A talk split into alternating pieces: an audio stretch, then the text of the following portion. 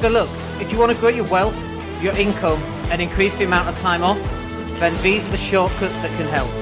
Welcome to the Wealth Creation Podcast. And good morning, everybody. It's Dan. Hope you're well today. Welcome to a happy, happy Monday.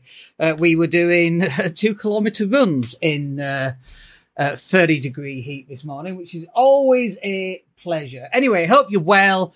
Uh, let's talk about Google Analytics. This is uh, a little bee in my bonnet that I happen to get whenever I talk about Google Analytics because it's like one of those things that's just really important that people just don't seem to recognize. And it drives me insane. So I figured we should probably cover that in one of our podcasts. So here we are. Um, so four reasons why you need to be using Google Analytics. If you don't know how to install Google Analytics, there's this thing you might have heard of it. It's called Google. Uh, you can do a search. You can go to YouTube. They have videos on there show you how to do it.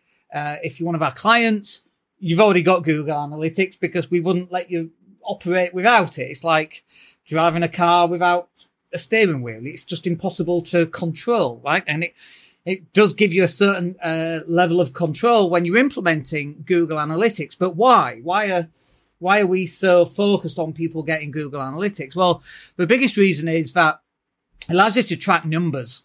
Like how many people are, are you getting to your website? Like a month, a week. how many people did you get to your website yesterday? Yesterday was a Sunday, which you'd normally expect to have a bit of a drop off. We certainly do.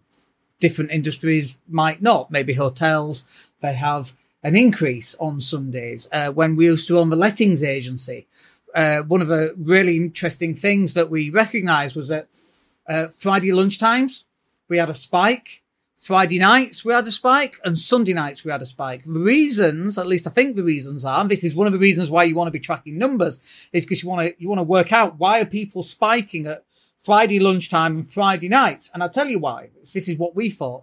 People are fed up of their lives. They hate their lives. They hate the job. How can I improve my life? Let's go and look at some properties. So they go online and they'll start looking at listings. And then Sunday night, they're going, oh no, I've got work on Monday, hate my life, hate my job, what shall I do? Let's look for another flat. And it's really interesting. So then you can say, okay, so for Google uh, pay per click or for paid advertising, we should run campaigns Friday afternoons, Friday nights, and Sunday nights. Save the rest of the budget for when people are actually looking at those particular times. And so we use something like Google Analytics to be able to give us that data, and that will tell us when uh, when the spikes are. But more important than that, just tracking number visitors. Like, how did this month compare uh, with the previous month? Which leads me nicely onto the on, onto the second point here. You should be comparing previous periods. So this week, you know, the last seven days, how did that compare with the previous seven days? This month, how did that compare with the previous month? Or even this month, how did that compare with the same time last year?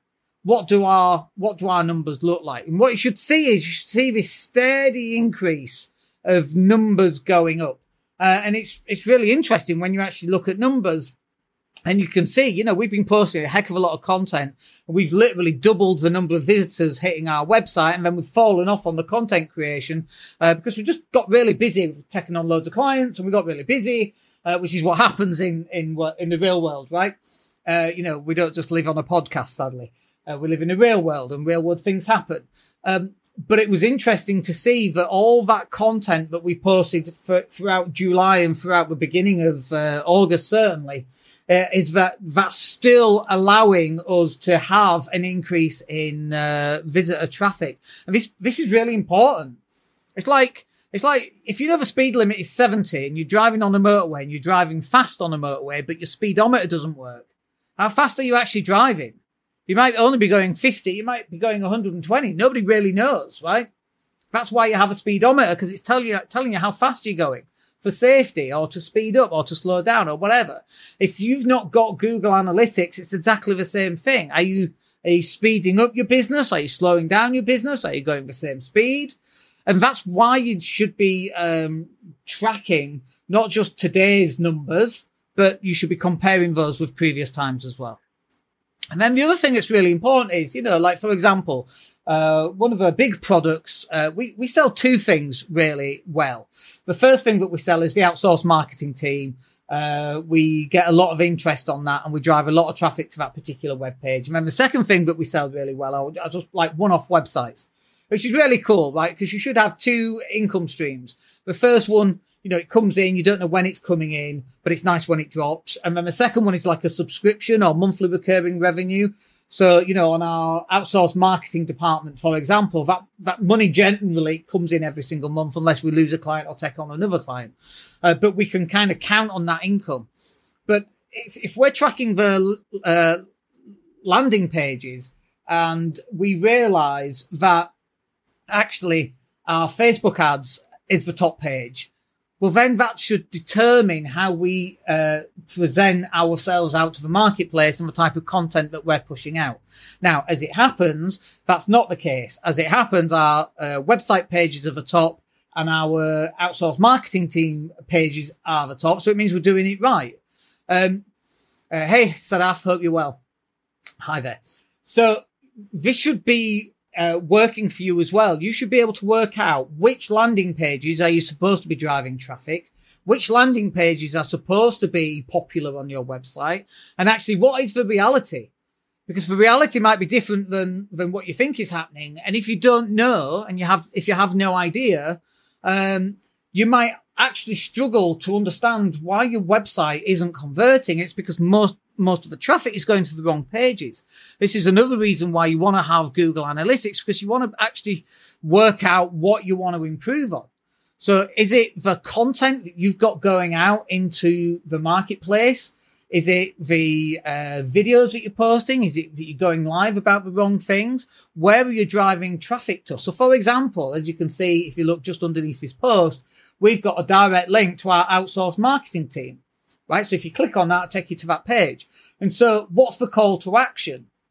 And if you're not including these on your social media marketing when you're posting content out across all your channels, then that's a, that's certainly an area that you're missing out on. But it's a really quick fix. It just means you need to include a call to action and include the link and let people, you know, click the link once they see your your your content. But it will help you work out what it is that you need to improve on and then you're going to get more traffic to your website. That traffic will then convert because it's the right type of traffic going to the right type of landing pages. Uh, I mean, let, us not, you know, beat about the bush. If you're driving traffic to the landing page and then the landing page isn't converting, well, that's a different conversation. But at least now you know where the problem lies. It's on the landing page that's not converting rather than the amount of traffic. Whereas generally most people haven't got a clue well, we've got this website down and it's not working and we post on social media, uh, but we don't know why it's not working. And it's like, well, what's your Google Analytics telling you? Oh, no, we don't have that installed.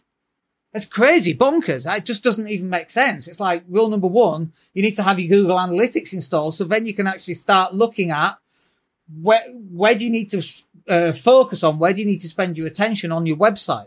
Where do you need to spend the focus and attention on your content that you've got going out there? What about your email marketing? Are you marketing, uh, sending emails out to your mailing list and driving people back to your website for the things that you actually want to sell? I guarantee the answer is probably not because you're so busy doing all the other things.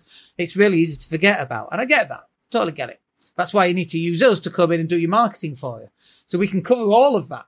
All marketing is, is getting the right eyeballs driving traffic back to your website and then turning those uh, website visitors into some kind of action, which could be signing up for a strategy session, downloading a guide. It can be anything, right? But it's converting that person to take the next step. That's all marketing is getting in front of as many people as you can, getting them to take the next simple step. And if you don't know how to do that, you should hit us up and we'll come and help you.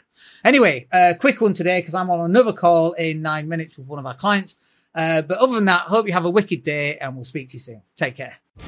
Hey, it's Dan here. Thank you for listening. Really appreciate each and every one of you. Please click like or subscribe to the entire podcast.